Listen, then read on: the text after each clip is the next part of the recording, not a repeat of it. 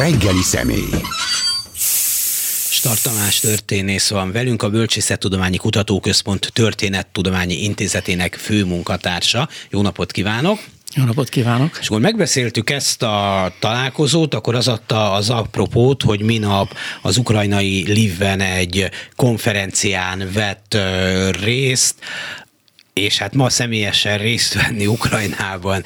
bármilyen eseményen, annak valószínűleg, hát hogy mondjam, presztis, vagy hogy mondják, gesztusértéke, ezt a szót akartam mondani, bocsánat, gesztusértéke is van a tudományos jelentőségén is túl, és akkor arra gondoltam, hogy beszélgessünk egy kicsit a magyar, ukrán, orosz viszonyról, erről az egész háborúról, ennek a, tá- a történeti beágyazottságról, gáról, de most ránéztem a naprátára, április 4-e van, és hát ha jól emlékszem, jó hosszú ideig volt a második világháborúval foglalkozó Akadémiai Történelmi Bizottság, vagy Albizottság eh, vezetője, vagy, vagy elnöke, vagy még lehet, hogy már nem az, ugye? De, még de, mindig, de még most is a második világháború története Albizottságnak vagyok az szóval elnöke.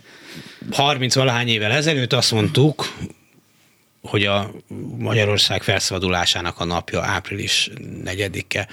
Ma mit mondunk, vagy hogyan látja ezt ma a, a, a történettudomány? Mi történt 45, hát április 4-én, vagy 11-én, mindegy, de hogy, hogy, hogy felszabadulás, újabb megszállás, vagy egyáltalán kell-e ilyen nagyon egyszerű, leegyszerűsítő kategóriákban meghatározni az eseményeket? Hát van itt egy,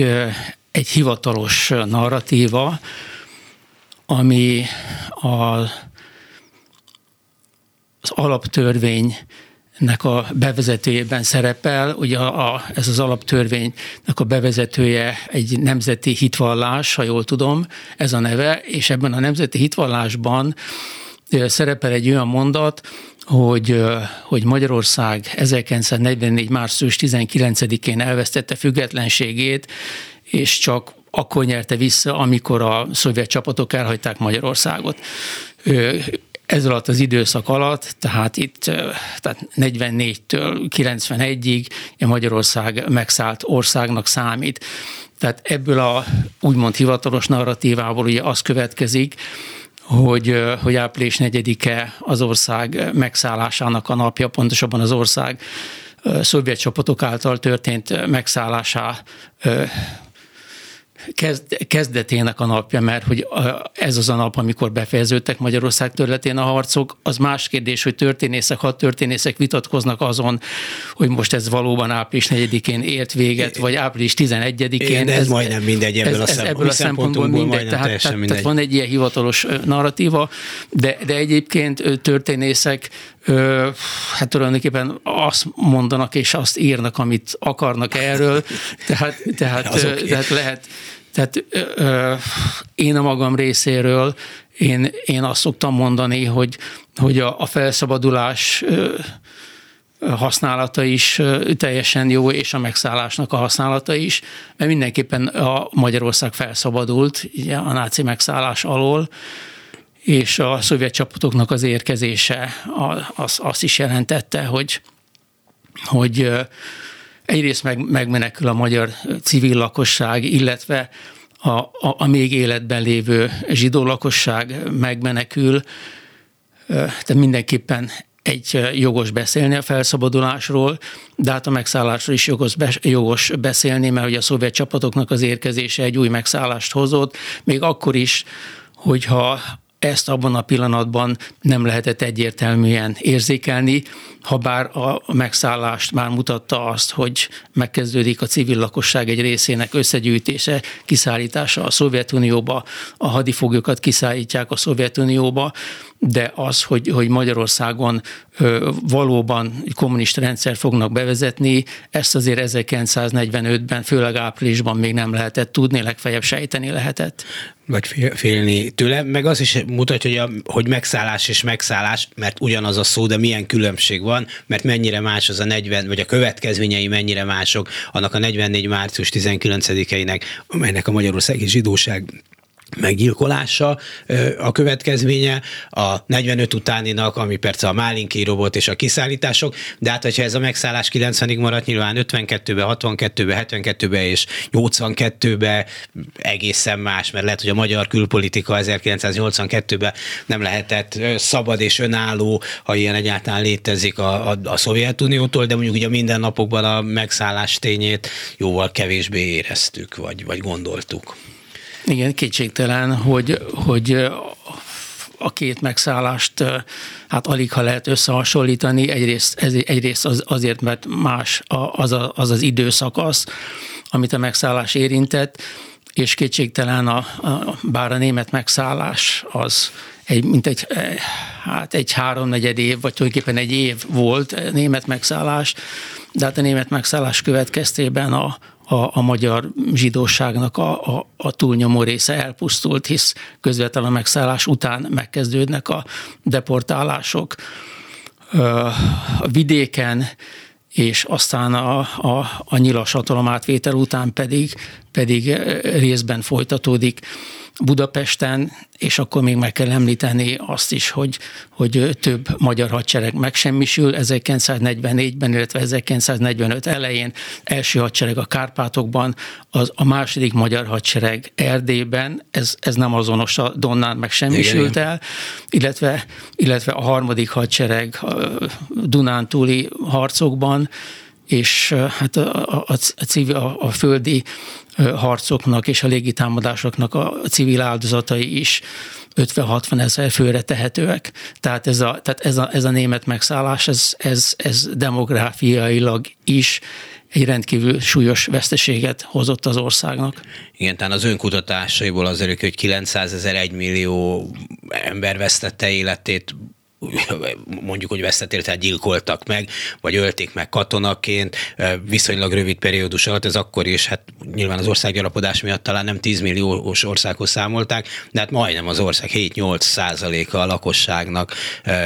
belehalt ebbe a, ebbe hát, a gyilkosság sorozatba, igen, amit háborúnak nevezünk. Ez a, ez a 900 ezres, 1 milliós, ez pontosan nem lehet meghatározni veszteség, azért, azért ez, ez túlnyomó részben itt 1944-45-ben keletkezett. Tehát, tehát az utolsó háborús évben. És hát hogy ez nagyságrendileg mit jelent, az két számot tudok mondani. Most kétségtelen, hogy ez az 1944-es területre értendő, és az akkori területen mintegy 14 millióan laknak. De, de az, hogyha összehasonlítjuk a 41-es és a 49-es népszámlálásnak az adatait a jelenlegi területre vonatkozóan, akkor a két népszámlálás között százezres különbség van. Tehát ez volt az első alkalom a népszámlálások történetében, hogy a két népszámlálás között, ugye ezeket tíz évenként tartják, hogy, hogy csökken az országnak a népessége. Bocsánat, nem értem, hogyha azt mondjuk, hogy 900 ezer egymilliós veszteség van, akkor miért csak 100 ezer hiányzik? A, a, a, azért, mert az, az a 900 ezeres egymilliós veszteség, tehát az a, az a az a háború alatti területre igen, vonatkozik, jaj, tehát ebbe benne van a Kárpátalja, Észak-Erdély, Délvidék, Felvidék egy, egy része, tehát ez erre vonatkozik. Mm és ugyanakkor van egy, egy nagyon jelentős bevándorlás. Ugyanis a Erdélyből a, tehát újból elcsatolt területekről van egy nagyon jelentős bevándorlás, és több mint 300 ezeren jönnek, ami, ami, ami a, a,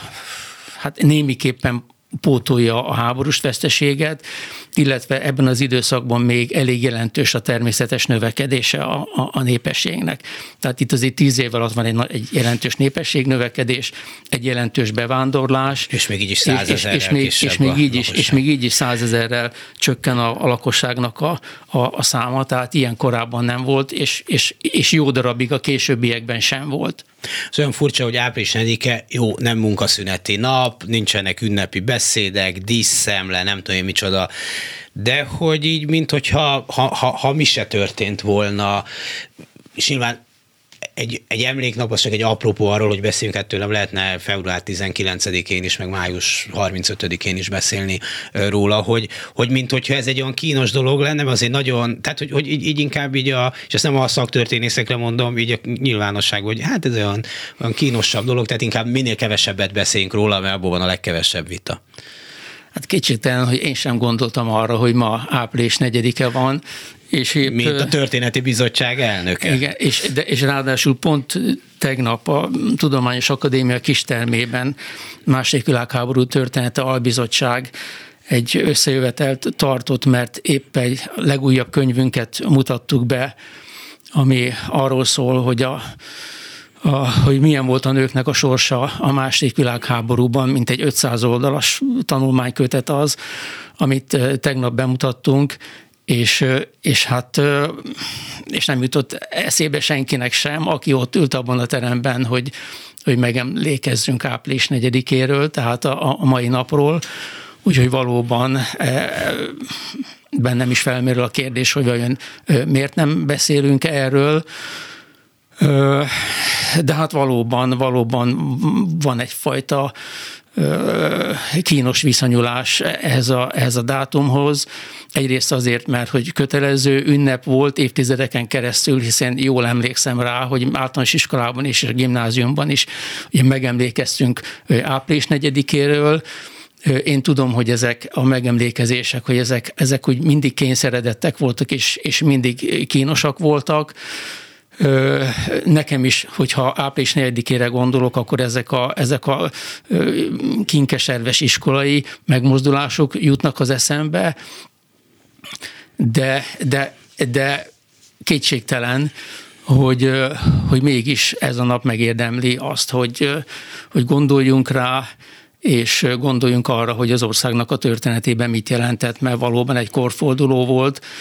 a, az ország történetének legsötétebb időszakának a lezárását jelentette, és elkezdődött egy olyan időszak, amely nagyon reménytelének indult, de hát aztán egy, egy újabb diktatúrába fordult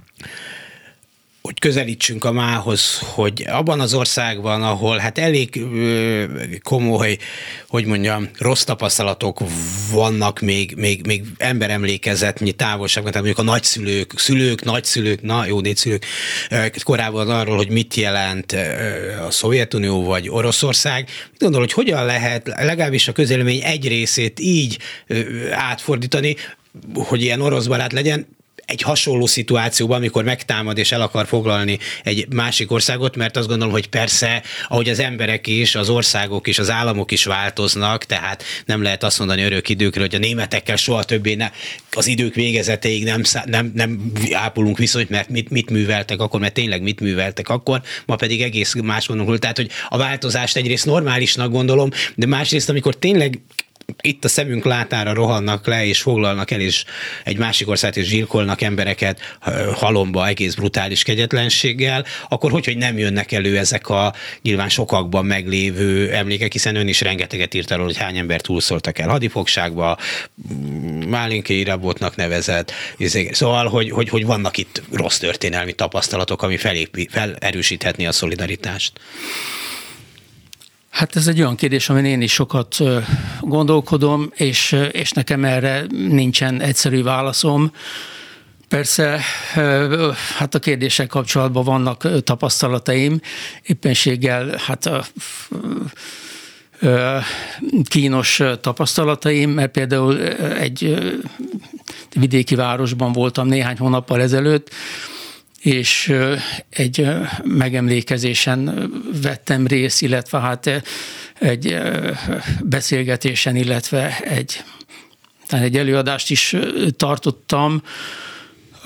a, a gulágról, a, arról, hogy magyar foglyoknak milyen volt a sorsa a gulág táborokban, de aztán a beszélgetés után mai kérdésekre terelődött a szó,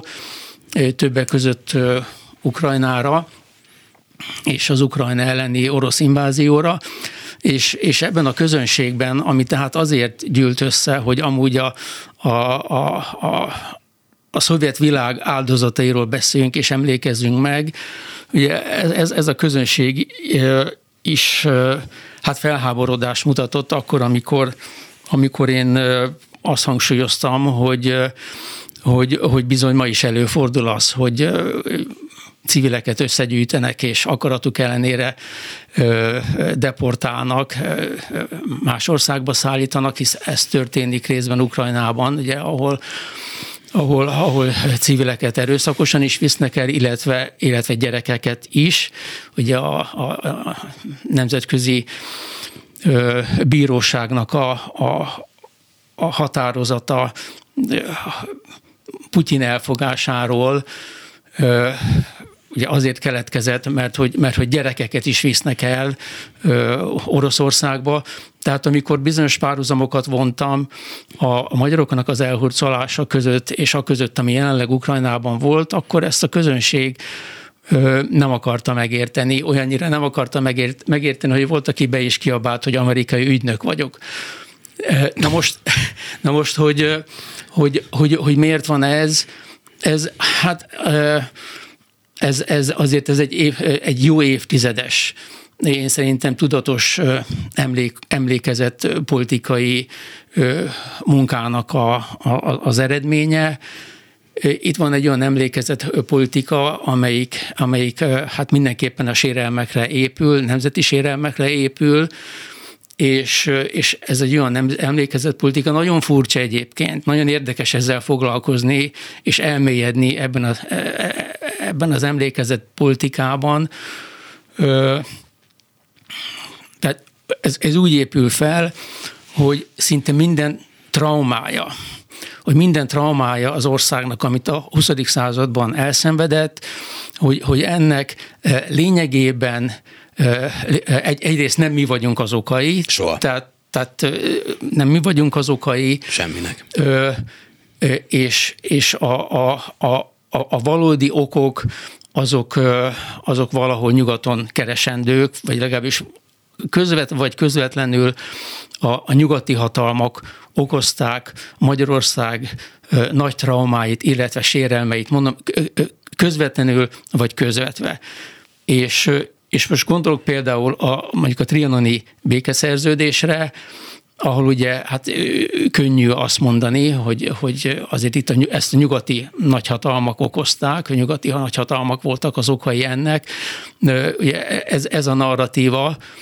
hogy, a, hogy, hogy Magyarország megvédte Európát a középkorban, de a nyugati hatalmak a Trianonnal fizettek. Ugye hát ez egy, ez egy szlógen volt a 20-as, 30-as években, tehát a két világháború között.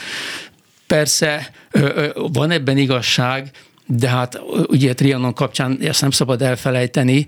hogy Magyarország elvesztette a barátait a 19. század végén, 20. század elején. Jeszenszki Géza írt erről ö, évtizedekkel ezelőtt egy nagyon jó könyvet, hogy hogy vesztette el Magyarország a barátait, hogy maradt egyedül. És hogy vesztette el nem csak a külföldi barátait, hanem hát a magyar nemzetiségek és a, és a, és a magyar nemzetiségeknek a, nemzetiségek igen, és a, magyar, és a Magyarországon élő nemzetiségeknek a, a jó indulatát is. Tehát kétségtelen, hogy, hogy, hogy, hogy van egyfajta magyar fele felelősség is a trianoni békediktátumban. De hogyha nézzük a, a másik traumát, a holokausztot, akkor, akkor már említettem, hogy azért a hivatalos narratíva az, hogy hát Magyarországot megszállták, ami azt jelenti, hogy mindez, ami Magyarországon történt, ahhoz, ahhoz nekünk semmi közünk sincsen, de holott, holott hát a, a, a megszállás következtében, a deportálás végrehajtásában a magyar csendőrség, rendőrség vett részt, arról nem is beszélve, hogy a, hogy a holokauszt nem 44. március 19, 19-én kezdődik, hanem a zsidó törvények bevezetésével, és akkor meg kell említeni az 1941-es deportálás, deportálásokat. Ez a Kamenyes Podolszki. A Kamenyes Podolszki deportálást. De, de vissza még 1919-re, vagy, vagy előre tekintve a kommunizmus későbbi bűneire, tehát a, a, a Szovjetunióba történő elhurcolásokra, ami több százezer embert érint. A 19 is úgy van beállítva, és gondolok én arra, a szoboravatóra, ami néhány évvel, ez, néhány évvel ezelőtt történt, amikor a, a, a 19-es a kommunista diktatúra áldozatainak a, a szobrát emelték újjá a, mártírok terén, azon a, azon a területen, ahol korábban a Nagy Imre szobra volt, tehát újjá, ott, ott ez újra felállították. Ja, az a baromi ronda kőbe faragott. I- igen. Uj, uj, uj, uj, uj, uj. Itt 1933-ban vagy 34-ben állítottak egy, egy emlékművet, a vörös diktatúra áldozaténak az, az emlékére. Ugye ez 1945 nyarán ezt lerombolták, ennek a, ennek a helyére állították fel a rendszerváltás után a Nagy Imre emlékművet, majd pedig a Nagy Imre emlékművet elmozdították, és felállították helyette nem vagyok biztos az időpontban, azt hiszem, hogy 2019-ben visszaállították a 45-ben lerombolt emlékművet, pontosabban újra, újra építették, tehát ugyanazt lehet most látni, mint ami, korább, mint ami ott volt Igen, 1945 előtt. mellé, mellé egy tankcsapdát is. Igen. Na most e, e, ennek a, ennek a, felav, ennek a felavatásánál Kövér László, parlament elnöke mondta azt, hogy, hogy itt pontosabban párhuzamot, hogy e, pontosabban egy, egy, egy, egy ilyen emlékezeti vonalra fűzte fel a, a a, a magyar liberálisoknak a tevékenységét, a galilei körnek a tevékenységét, a Károly Mihály tevékenységét, ebből szervesen következett a kommunista diktatúra, de a kommunista diktatúrának a letéteményesei, a liberálisok, a 89 utáni liberálisok és a jelenlegi liberálisok. És jó. E, és e, ekkor is elhangzik, ami nagyon sokszor elhangzott már egyébként a kommunizmus áldozatainak emlék, emléknapján, hogy, hogy valójában a, a kommunizmusnak a, a bűnei, a nyugati világnak a, mű, a bűnei, mert hogy a kommunizmus az egy nyugati ideológia, hisz Marx ugye, hát ugye nyugati ember volt, kommunista kiáltvány is úgymond nyugaton jelent meg, de, de ami megdöbbentő, hogy például a szovjet fogsággal kapcsolatban is ez a narratíva jön elő, ezt hallottam is egyébként, és láttam is dokumentumfilmben, is hivatkoznak erre, hogy az igaz, hogy a szovjetek visznek el civilek százezreit a Szovjetunióba, de a, a felelősek ebben részben a nyugati hatalmak, akik hozzájárulásukat adták ahhoz, hogy a Szovjetunióba vigyék a civileket és a hadifoglyokat, és a nyugati hatalmak nem tettek semmit a kiszabadítások érdekében. Ez egyébként történelmileg nem igaz, mert egyrészt nem adták beleegyezésüket, másrészt pedig nagyon sokat tettek alapvetően az amerikai kormányzat annak érdekében, hogy még a magyar foglyok is visszajöjjenek. Ez egy másik kérdés a egyébként. Kutatási, egyébként kutatási területemhez tartozik ez is. De minden esetre, tehát, tehát itt, itt van egy, egy, egy, egy olyan bűnbak képzési emlékezetpolitika, ami azért alapvetően mindig a nyugatot és a nyugati hatalmakat teszi meg bűnbaknak. Én, én úgy gondolom, hogy ez, ez, ez, ez, ez érvényesül, és, és ehhez hozzájárul egy sérelmi politika Ukrajnával szemben, ami hát azt lovagolja meg, hogy, hogy a, a, a magyar nemzetiség valós sérelmeket szenved Ukra, Ukrajnában. Úgyhogy, úgyhogy itt ezek a, ezek a dolgok összeadódnak. És hát a, maga, maga pedig a, az, amit a, a magyar propaganda hirdet, azt, amit a, a különböző médiumokban lehet olvasni, illetve lehet látni, az, az, az, az egyértelműen az orosz narratíva, és akkor itt most lehetne tételesen sorolni, hogy a háború kirobbanásától kezdve, hogy, hogy, hogy, hogy mik, mik hangzottak el. Star Tamás történész a vendégünk, akkor beszéljünk egy picit Ukrajnáról és háborúról, és kezdjük azzal, hogy most járt Lvivben, vagy Lembergben, ahogy magyarul uh, ismerjük ezt a várost, csak egy ilyen hétköznapi leírás adná, hogy hogy képzeljük el, hogy egy háborúban álló országnak, hát azért a fronttól szerencsére jó messze levő városában milyenek a hétköznapok, hogy néz ki, a, mi a város, mi a városi kép? Hát, ö, hát felejthetetlen volt az a néhány nap, amit, amit ott töltöttem. Voltam én már ebben a városban, Vívben, békeidőkben, és hát persze persze, hogyha a városban sétálunk, akkor, akkor ö, ö, hát minden ugyanolyan, mint 2019-ben volt, tehát a, tehát a boltok, boltokban van áru, sőt bőségesen van áru, és a, a lámpák égnek, a, fűtőtestek melegek. Az már nagyobb de, dolog, azért én annyit fáztam Ukrajnába a időkön, mint de, a de, de ugyanakkor hát lehet, érez, lehet érzékelni a háborút tulajdonképpen attól a pillanattól kezdve, hogy belépünk Ukrajnába, a, a Ungvár felé menvén a, az, útok, a, az út mellett jó néhány helyen hatalmas poszterek vannak kitéve, és ezeken láthatók azok a, azoknak a katonáknak a képei, akik, akik a harcokban estek el, és a kép alatt aláírás van, hogy, hogy köztünk maradsz, mindig gondolunk rád, és aztán ahogy megyünk Viv felé, több katonai ellenőrző ponton kell átmenni, én, én busszal mentem, és akkor, és akkor a, a buszon lévő minden utast ellenőriznek, megkérdezik, hogy mit csinál, hová megy. Viv előtt is van egy, egy nagy ellenőrző pont, homokzsákokból kiépítve egy, egy úttorlasz, ahol, ahol egy korábbiaknál is komolyabb ellenőrzésen megy át a busznak minden utasa, ami a, a városban hát feltűnő az az, hogy, hogy a főtéren kint vannak a, az elesetteknek a képei, legalábbis azoknak a képei,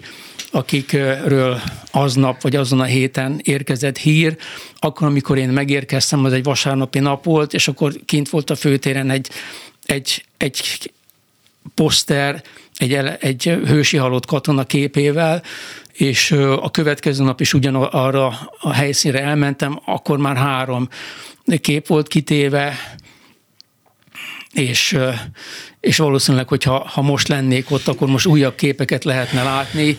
Tehát ez, ez, ez, ez mutatja a háborút, de hát ami számomra különösen megdöbbentő volt, az az, az, az, az hogy a járókerők hogyan viszonyulnak ezek az a, a, a képekhez, amik, amik tehát a főtéren ki vannak téve. Hát ezek viszonylag nagyméretű képek, ezeket nem lehet elkerülni, ezek ott vannak. És néztem a járókelőket, és ez, ez, ez, ez megdöbbentő volt, hogy, hogy, hogy nem megy el senki se csak úgy a képek előtt, megállnak, van, aki keresztet vet, van, aki a mellére teszi a kezét, mint hogyha valami esküszöveget mondana, férfiak leveszik a sapkájukat, megállnak, érződik, hogy, hogy érződik, hogy életről, halálról van szó, érződik a szolidaritás, és érződik a, egyfajta elkötelezettség, hát Ukrajna mellett, illetve a küzdelem mellett. Én, én, én ezt nagyon-nagyon erőteljesen érzékeltem, nem csak ebben a szituációban, hanem sok más szituációban is. Egyébként, egyébként a, ami még a, a háborúra utalt, hát az, hogy elég sok helyen ki vannak téve képek, a háborúról tudósítások, és hát a várost elborítják az ukrán zászlók, és ezeknek a, ezeknek a zászlóknak ugye egy jelentős része nyilván hivatalos rendeletre van kint, de, de nem csak, mert hogy a magánházaknál is ki van téve a zászló, tehát tehát erkélyeken kint van az ászló, ablakon, ablakokban kint van az ászló, tehát nem csak a főutcák mentén, hanem körülbelül mindenhol kint vannak az ászlók, és, és ha van még néhány perc, 17 percünk van. és, és, és amit, ami, Jó beosztással sok minden elég. És ami, ami ugyancsak hát, hát fontos és hát megdöbbentő az az, hogy amit én nem vártam, hogy hát az utcák tele vannak emberrel, és a kávéházak is tele vannak, és, a, és az éttermek is tele vannak. És Vívnek nagyon híres az operaháza, mellesleg az operaháza Bécsi operaháznak a másolata. Ez, ez pontosan az az épület van ott és az operaházban játszák a darabokat, tehát minden este van előadás. Én nem voltam ez, e, ilyen előadáson, de mondták, hogy ezek az előadások mindig teltházzal mennek. Tehát az emberek úgy élnek, mint hogyha béke lenne. És és hát beszéltem ukrán kollégákkal, akik ott voltak a konferencián, és hát másokkal is volt alkalmam néhány szót váltani, és azt mondták, hogy van ebben egy tudatosság, hogy ők a, a normális életet élik, mert hogy, mert hogy azt szeretnék élni a normális életet, és, és azt mondták, hogy ez az ellenállásnak az egyik formája. Mert hogy, mert hogy a harc nem csak a, a fronton folyik, nem csak a kibertérben folyik, nem csak a, a, a propaganda területén folyik a harc és a küzdelem, hanem hát a hátországban is, és, és itt a, a, az, az orosz cél az, hogy a polgári lakosságot megtörjék, hogy a polgári lakosságnak elvegyék a kedvét az ellenállástól, hogy, hogy kimerülté tegyék, frusztráltá tegyék, fásultá tegyék. És, és erre ez a válasz, hogy, hogy nem adjuk fel a, a, a, a, a félelem ellenére, az esetleges bombázások ellenére ugyanúgy élünk, mint hogyha, mint hogyha nem lennénk veszélyben, ugyanúgy éljük a, a, a hétköznapjainkat, és, és nem, vagyok, nem vagyunk hajlandóak elfásulni, folytatjuk, amit, amit elkezdtünk 2014-ben. Ez, én ezt érzékeltem, ezt, ezt mondták is, és ez, és ez, ez nagyon benne volt a, a, a levegőben.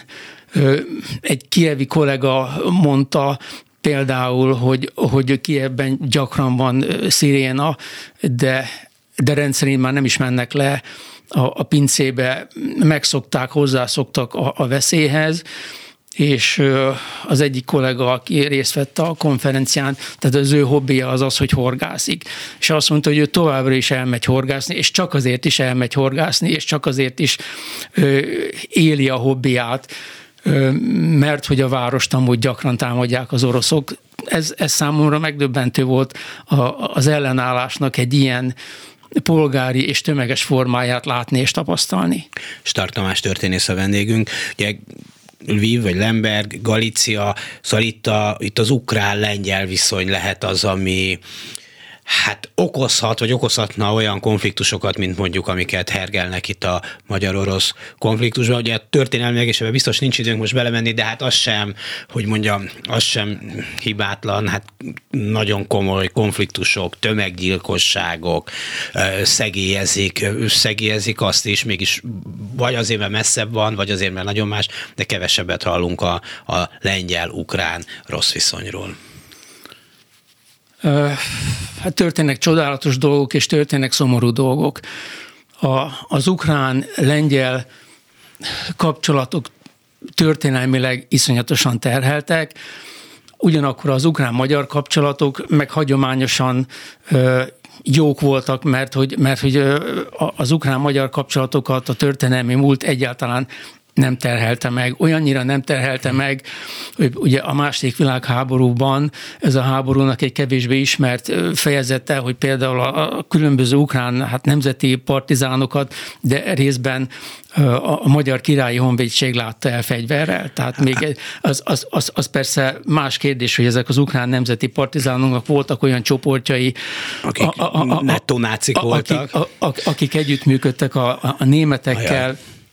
de, de minden esetre... Meg de, azért de, a magyar, hogy mondják, ez területet tartó katonák, részben persze ez Belarus, meg Ukrajna, azért elég rendes tömeggyilkosságokba keveredtek bele.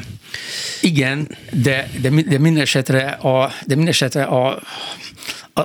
az ukrán nemzeti tudatban, vagy az ukrán néplélekben a, magyarok a múltban nem úgy szerepeltek, mint például a, a lengyelek, akikről, akikkel kapcsolatban hát általában rossz véleménnyel voltak. Tehát, tehát, tehát míg a, a magyar-ukrán kapcsolatok az elmúlt években, hát most azt lehet tapasztalni, hogy tragikusan elromlottak, addig, a, addig az ukrán-lengyel kapcsolatok pedig nagyon jól alakulnak, sőt, én, én azt mondhatnám... De, bocs, hogy közben, akkor ez csak azt mutatja, hogy a politikának a történelem, a történelmi sérelmek, a múlt, az csak egy ilyen játékszer, és úgy gyurmázzák ezt, hogy akarják. Azt akarjuk, hogy rossz viszonyban legyünk, akkor arra is lehet történelmi példát állni, azt akarják, hogy jó, ba és mi hagyjuk magunkat, persze, akkor arra is lehet találni érveket. Hát azt lehet mondani, hogy kétségtelen ez a politika felelőssége is a, a, mióta Ukrajna független állam lett, azóta lengyel részről és ukrán részről is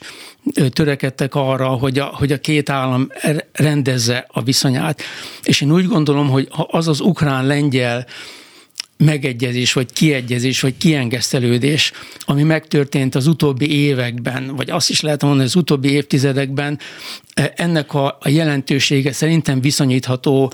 mindahhoz, a, mindahhoz ami, ami a német-francia kapcsolatokban történt a második világháború után. Tehát ott is egy, egy történelmileg nagyon rossz viszony sikerült, sikerült oldani, sikerült egyfajta kiengesztelődés létrehozni a két ország, illetve a két nép között, és ez, ez történt meg véleményem szerint a lengyelek és az ukránok között. Hát azért csak csak felvázolva, hogy, hogy mennyire terhelt volt a, a múlt, a, hát ugye Ukrajna jelentős része ugye a középkorban és később is a lengyel királysághoz tartozott, hagyományosan a lengyelek voltak az arisztokraták és a földesurak, ők voltak vezető pozícióban, az ukránok voltak az elnyomott, elnyomott jobbágyok és a parasztok, tehát itt osztály alapon is volt egy évszázadokra visszamenő sérelem, de aztán etnikai sérelmek is következtek, ugyanis a, például a két világháború közötti időszakban a például épp Vív, illetve a lengyelül Vov, ugye ez, ez Lengyelországnak a része volt, a lengyelek itt egy lengyelesítési politikát folytattak, aminek részben következménye volt, hogy Lvivnek a népessége túlnyomó részben lengyel volt, volt itt egy jelentős zsidó, zsidó népesség igen. is, a lakosság 30%-a zsidó volt, volt ukrán népesség is, de az ukrán népesség elnyomott helyzetben volt, tehát van itt egy etnikai ö, sérelem is, de, de ami az igazi sérelem, az az, hogy a második világháború alatt egy iszonyatos belső háború volt az, az Armia Krajova, tehát a, a, a, a, a, lengyel, a, a, a lengyel felszabadító, felszabadító hadsereg, a lengyel lengyel partizán mozgalom, a lengyel felszabadító hadsereg, és a különböző ukrán partizán mozgalmak között. Most ez egy olyan... Tehát, hogy egymást gyilkolták. Egymást gyilkolták, de nem csak, egy, nem csak a partizánok egymást gyilkolták, hanem itt kifejezetten népírtásokra került sor. Tehát itt, itt ukránoknak a tízezreit, más források szerint százezreit gyilkolták meg lengyelek, a lengyelek azt mondják, hogy az ukránok gyilkoltak meg lengyeleknek a tízezereit. Itt ez a Galícia keleti része, ez egy vegyes, ez egy vegyes terület, tehát etnikai szempontból, tehát lengyelek és ukránok is élnek. Tehát volt itt főleg 42-43-ban, 44-ben egy, egy kis háború, a, a, a kis háború hatalmas áldozatokkal. Óriási sérelem volt ez mindkét részről. De, de, de felismerték, felismerte mind a politikai vezetés, mind a politikai elit, hogy, hogy ezen túl kell lépni, ezeken a sérelmeken. Túl kell lépni azon, hogy a két világháború közötti Lengyel, Lengyelország területének egy jelentős része, ugye ez az ma Belarushoz tartozik, illetve Ukrajnához tartozik, hogy ezeken, hogy az etnikai... tolták Lengyelországot. Mert, hogy Lengyelországot nyugatra, nyugat tolt, nyugat, nyugatra tolták, tehát hogy, hogy túl kell lépni a, az, az etnikai sérelmeken, túl kell lépni a, a területi sérelmeken, és együtt kell működni, és, hát, és ezt az átlag emberek el, elfogadják, amennyire, amennyit a, tudunk erről? Hát ezt az átlag emberek, a, ö, én szerintem, hogy ezt mennyire elfogadják, bizonyítja egyrészt az, hogy az ukrán menekülteknek a túlnyomó része Lengyelországba ment. Tehát mint egy két millió ukrán menekült ment Lengyelországba. Hát nem mentek volna oda, hogyha, hogyha, hogyha ö, hát lengyel ellenes érzelmeik lettek volna, mentek volna vagy tovább, vagy Bár mentek. kicsit nem ugyanaz a nyelv, vagy, de sok szempontból hasonló nyelv azért biztos, hogy praktikus előnyt de, jelent. De, de, de ugyanakkor Csehországba félmillióan mentek, Szlovákiába százezren mentek, ahová ugyancsak nyelvi szempontból akár mehettek volna, tehát alapvetően Lengyelországba mentek, és és hát én nézem a különböző kulturális rendezvényeket, konferenciákat, úgy tűnik, és azokkal az ukránokkal, akikkel én beszéltem, azok is úgy tűnik, hogy, hogy a lehető legnagyobb rokon szemvel beszélnek lengyelek, lengyelekről és Lengyelországról, de miért ne tennék, akkor, amikor az ukrán érdekeknek a, a leghatározottabb képviselője a NATO-ban és az Európai Unióban Lengyelország. Lengyelország volt, és most is Lengyelország. Ezt elérte a putyini Oroszország mindenképpen, hogy összehozta a lengyeleket és az ukránokat, mert hát nyilván ebben a lengyel politikában benne van az a számítás is, hogy, hogy meg kell állítani az oroszokat inkább Ukrajnába, mert aztán ne adj Isten, még tovább szeretnének jönni Lengyelországba, és földrajzérvet arra, vagy történelmi érmet, bocsánat, arra hozni, hogy hol volt a határ, abszolút lehet, hiszen itt hol itt volt, hol ott volt a, csak elég messzire kell visszamenni legfeljebb az időkben. Én kétségtelen, hogy a hogy a, hát az orosz birodalmi törekvések miatti félelem, és hát jogos félelem ö, szerepet játszott abban, hogy a két nép egymásra talált, és hogy itt megtörtént ez a ez a, ez a kiengesztelődés, ami, amit, ami én szerintem egy csoda, valahogy itt Kelet-Európában erre nem szoktunk gondolni, és most se gondolunk úgy a két országra, hogy itt milyen iszonyatos ellentétek voltak. Tehát egyrészt a félelem hozta ezt létre, de én úgy gondolom, hogy, hogy ettől függetlenül is ez a két ország és ez a két nép azért egymásra talált volna, hisz ez már megkezdődött 1991-től kezdve, de kétségtelen hozzájárult mindaz, ami a, a, az elmúlt években történt, de, de, de ez megkezdődött már az első független ukrán kormány alkalmával alkalmával. Ez a francia-német példa azt hiszem nagyon jó, ugye ma már nem gondolunk úgy Franciaországra, meg Németországra, mint két halálos ellenségre, miközben még, még tényleg 80 évvel ezelőtt, vagy most 70 valahány évvel ezelőtt is az volt, és hát előtte ez évszázadokig tartó folyamatos háború volt, tehát hogy azért egy emberöltő alatt, vagy egy fél emberöltő alatt is, hogy ez nem most De, kezdődött, azért ki lehet lépni ebből a történelmi sérelmből, és hát lehet, hogy a, nem a sérelmeket dédelgetni, mert az nyilván mindenkinek van sok, hanem hanem valami hát a modern realitás talaján megegyezést kialakítani, az azért a sokkal szebb dolog. Csak hát politikailag egyszerű, mert gyűl, e, utáld, ugye szerintem a magyar állampolgárok egy jó része nem igazodna el Ukrajna térképén sem, e, rettentő keveset tud arról, hogy hogyan élnek ott az emberek, tehát elég sok mindent be lehet neki adni, mert hát a szlogenek azok mennek, és hát láthatóan sokkal jobban hűíthetőek embertársaink egy jó része, mint azt én egész egyébként naivan a legutóbbi időkig hittem volna. De hát egyébként a román részről is lehet tapasztalni egyfajta megértést. Ukrajnával kapcsolatban ugyanis például a jelentős román kisebbség van. Igen. Bukovin, ugye Észak-Bukovinában, ami a két világháború között a Románához tartozott, a, a, a Ukrajnában lévő román népességnek a száma az körülbelül akkora, mint a kárpátaljai magyar népességé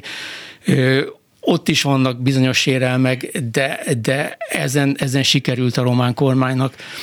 túltennie magát, és akkor lehetne sorolni a csehszlovák, illetve cseh, illetve a szlovák-ukrán kapcsolatokat is, a, a, amelyek, amelyek szintén történelmi szempontból terheltek voltak, de amelyeken főleg, főleg 2014 után némiképpen sikerült